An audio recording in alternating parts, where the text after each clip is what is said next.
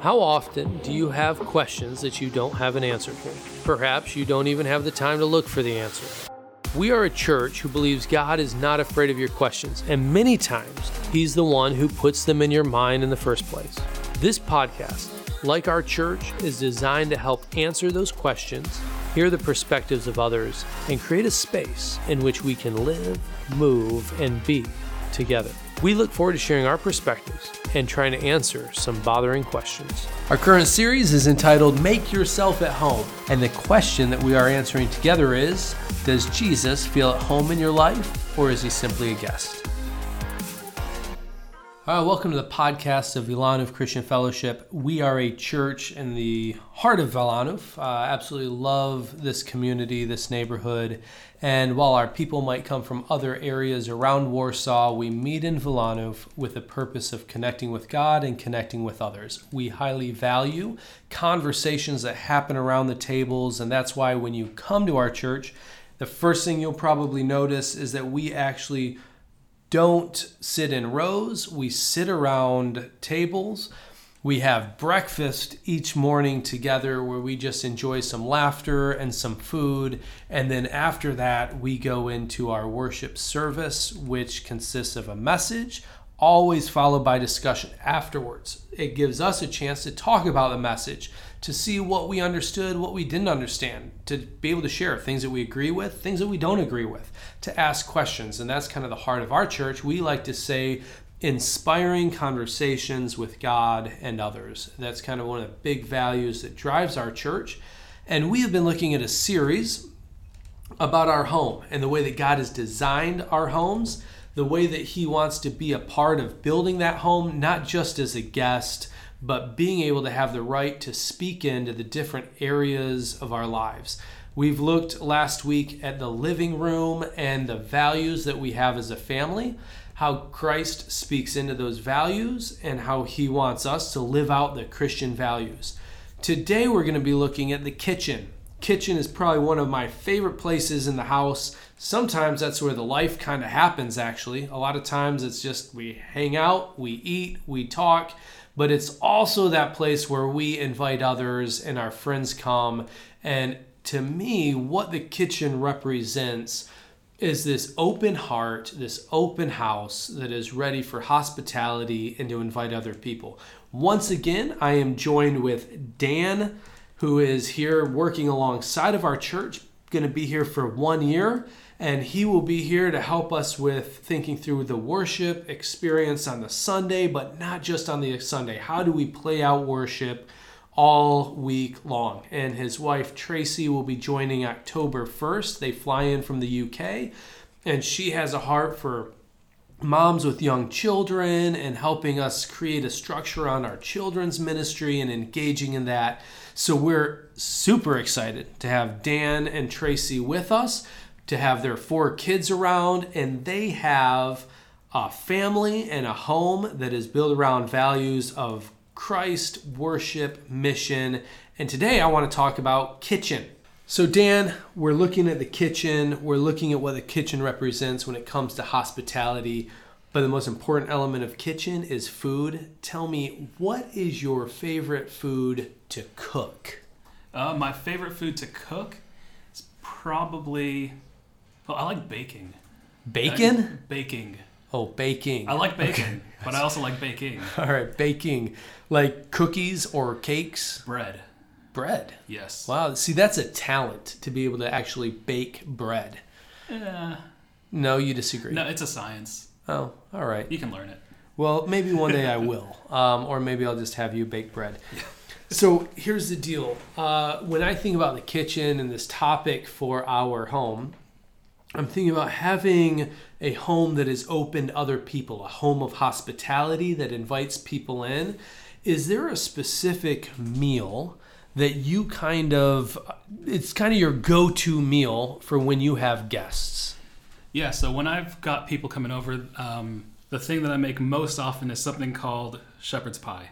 Or well, shepherd's pie. It's not technically what I make is cottage pie because shepherd's pie has lamb, but um, cottage pie is basically you've got beef and sort of vegetables and stuff in like a really rich gravy. Okay. And that goes in the bottom of a baking dish.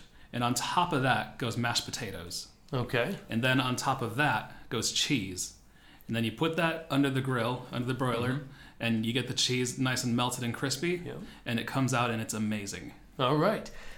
And um, basically, shepherd's pie, cottage pie, it's Irish, isn't it? Or like English, or It's- where's it from?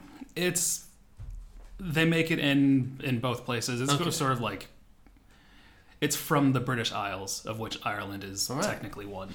So if you're listening to this podcast and you get invited over to Dan's house, you can taste some shepherd's pie. We have kind of our favorite go-to uh, dish. One of our favorite things to have when we have guests over, if we like the guests, uh, is called a raclette. Now, raclette, technically, it's a cheese, uh, as a raclette cheese. But what this is is a machine that sits on the table, and you have these little. Um, it's a machine that sits on the table like a little oven. You can slide a a little plate inside of it and you put potatoes down on the plate and then you put down like corn. I like jalapeno peppers then you cover it with a cheese some ham and then you slide it into really a broiler. It's like a little oven. It bakes it and then you pull it out. You scrape it off of the little serving dish the little dish that you made it on and then you eat it but before you eat it you start making another one because it always takes about four minutes for them to prepare perfectly. So you have this moment when you're kind of waiting for four minutes for the first one. But the reason that i love it is not only because it's delicious well actually there's a couple reasons. One it's delicious. Two because i tell all of our guests if you don't like it it's your own fault because you made it yourself and the third reason is it inspires conversations. Uh, it's an easy one. You can talk, you don't feel rushed, it feels relaxed, and you can just kind of make as many as you want. So, raclette, that is kind of our go to dish.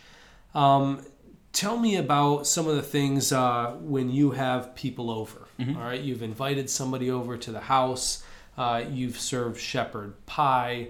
What are some of your favorite conversational topics? Um,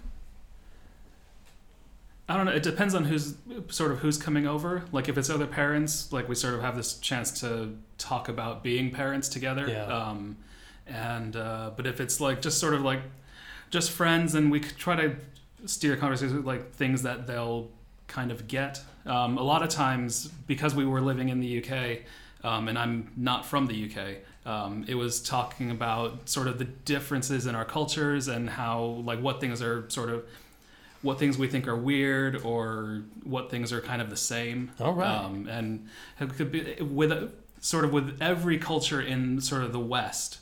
Um, there's kind of you go into another place and there's kind of this uncanny valley feeling where like everything's sort of the same, but something about it's just slightly tweaked, and Mhm. it's just this really cool chance to talk about how sort of people can't help but make Yeah. culture a certain way. Yeah. Well, I love having people over. We get people uh, here and there coming in and out of Warsaw, staying with us. And when I think about kind of that Christian value, and when I'm thinking about your home and your kitchen as a place that's open for others, there's a couple of verses that I just want to inspire you with as we talk about this even on Sunday a little bit deeper. But one of the verses that comes to my mind is actually from Revelation. And it's a moment when Christ is talking to the church in Laodicea. And he says this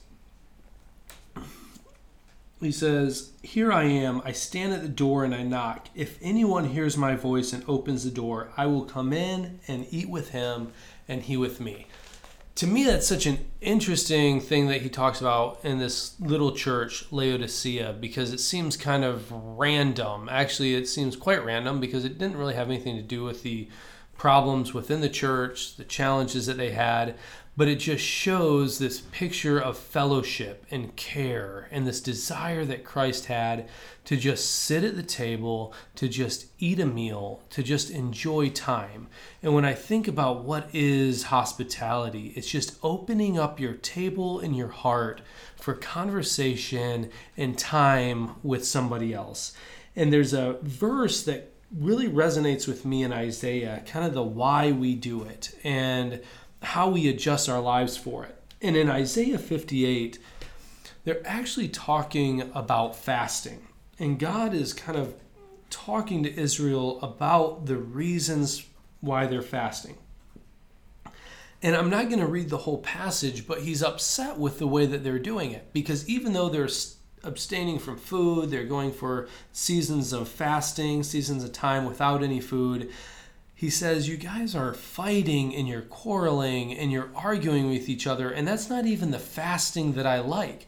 Fasting shouldn't be ending in fights and quarrels. But he says here, Is this not the kind of fasting that I have chosen? To loose the chains of injustice, to untie the cords of the yoke, and to set the oppressed free, and to break every yoke and in verse 7, it says, Is it not to share your food with the hungry, and to provide the poor wanderer with shelter, when you see him naked and to clothe him? Is it not to turn away from your own flesh and blood? And I see this concept of fasting here, and I say, as a follower of Christ, how do we create a lifestyle of hospitality? And I find it rooted deep into this spiritual discipline of fasting. This thing that says, I'm going to say no to certain things in order to say yes to what I believe is truly important. And when Christ and when God here in this passage says, Isn't this the kind of fasting that I have chosen? And the reason that I'm calling you to do it, it's to share your food, it's to open up your hearts, it's to be people that are known to be of love, that are caring for the stranger, that is opening up your home. That's kind of the why behind this fasting.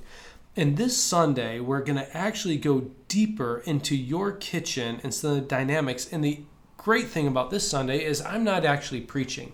So, what you heard on this podcast is to get you thinking, is to get you ready for the discussion around your kitchen and opening up your home for others. But David Wawrzyniak will actually lead us into how do we develop a culture in our home of hospitality and then he's going to give us a really, really, really cool opportunity to connect with others and open up our homes. And I'm looking forward to him sharing that. I'm not even going to ruin it on the podcast. I'm just going to let him share it on Sunday. So come to church ready to talk about this area of kitchen, hospitality, and then get ready to discuss how you can create a culture of hospitality and openness in your home. And we look forward to seeing you this Sunday. And until then, blessings to you and thanks for listening to the podcast. Dan, thanks for your perspectives and for being here with us. Thank you for having me. All right, blessings. Thank you for listening and wrestling with this week's question. Hopefully, you're now asking more questions than you did at the beginning. As always, if you loved it, then like it, subscribe, share it with others. Check us online at schvillano.pl.